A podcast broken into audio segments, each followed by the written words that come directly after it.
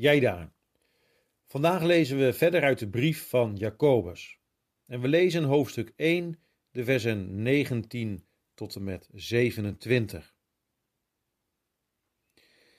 Zo dan, mijn geliefde broeders, ieder mens moet haastig zijn om te horen, maar traag om te spreken, en traag tot toorn. De toorn van een man brengt immers geen gerechtigheid voor God teweeg. Leg daarom af alle vuilheid en elke uitwas van slechtheid. En ontvang met zachtmoedigheid het in u geplante woord, dat uw zielen zalig kan maken. En wees daders van het woord, en niet alleen hoorders, anders bedriegt u uzelf. Als iemand immers een hoorder van het woord is en geen dader, lijkt hij op een man die het gezicht waarmee hij geboren is in een spiegel bekijkt. Want hij heeft zichzelf bekeken, is weggegaan en is meteen vergeten hoe hij eruit zag.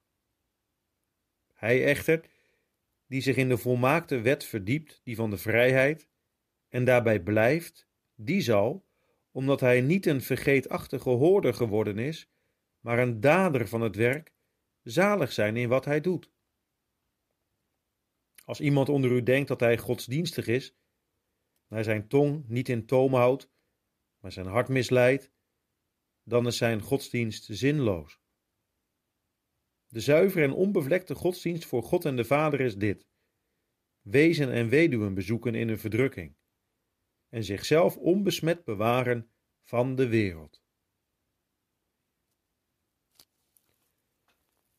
Ben jij een denker of een doener? Ik bedoel, de een werkt liever praktisch met zijn handen terwijl de ander twee linkerhanden heeft en daarom liever bezig is met zijn hoofd, denkwerk. In het Bijbelgedeelte dat wij net samen hebben gelezen, worden wij allemaal, wie we ook zijn, denkers of doeners, opgeroepen om een doener van het woord te zijn. Jacobus schrijft namelijk: Wees daders van het woord en niet alleen hoorders.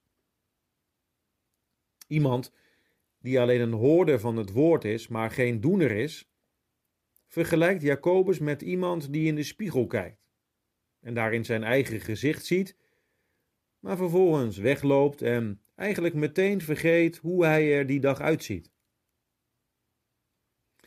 Hierbij is de spiegel het beeld van Gods woord. Gods woord is voor ons als een spiegel. De vraag is: hoe kijken wij daarin? Je bent een hoorder, maar geen dader van het woord. Als je het woord in de kerk hoort en je uit de Bijbel leest, maar vervolgens eigenlijk vergeet wat je leest. Met andere woorden, je doet er in de praktijk van het leven niets mee. Daders van Gods woord zijn is geen kwaliteit van onszelf iets wat wel of niet in je karakter zit. Nee, daders van het woord zijn, dat kunnen wij alleen door Gods genade.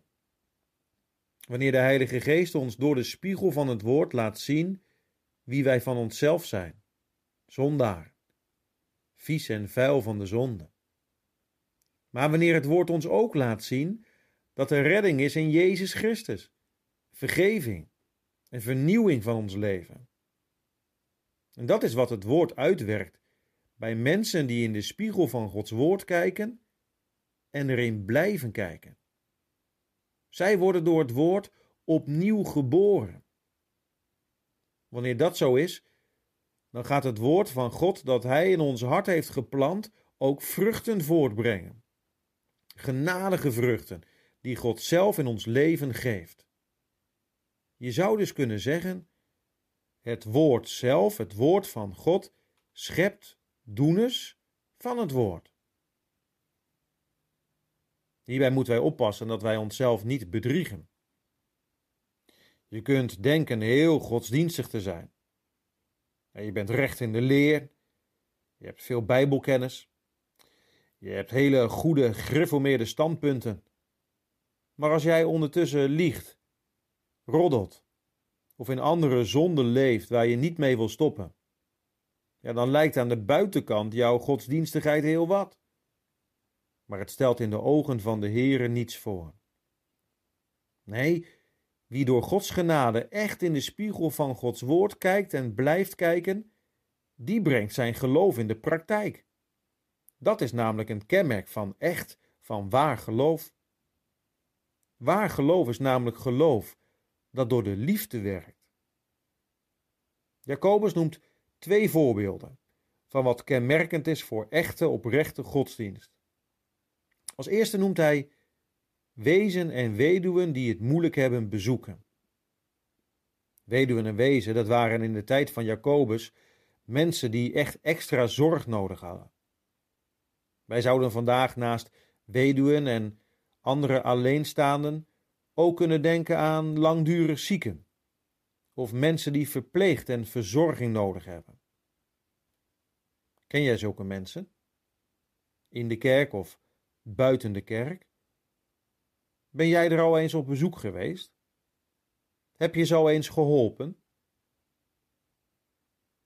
Het andere voorbeeld dat Jacobus geeft is dat je jezelf onbesmet bewaart van de wereld. Dat is dat je niet meedoet met de zondige dingen die de wereld wel doet. Dingen die tegen Gods goede geboden ingaan. De vraag is: ben jij alleen een hoorder of ben je ook een doener van het woord? Zullen we samen bidden? Heere God, wij danken u dat u in uw woord ons een spiegel voorhoudt. Wilt u ons helpen om door uw Heilige Geest daarin te kijken en ook te blijven kijken? Wilt u ons door uw genade veranderen en ons waar geloof geven en dat geloof in ons blijven werken? Geloof dat zichtbaar is in de praktijk van ons leven, in de dingen die wij doen voor u of in de dingen die wij juist nalaten, omwille van u. Vergeeft u al onze zonden en tekortkomingen daarin. Wij bidden u dit in de naam van de Heer Jezus Christus. Amen.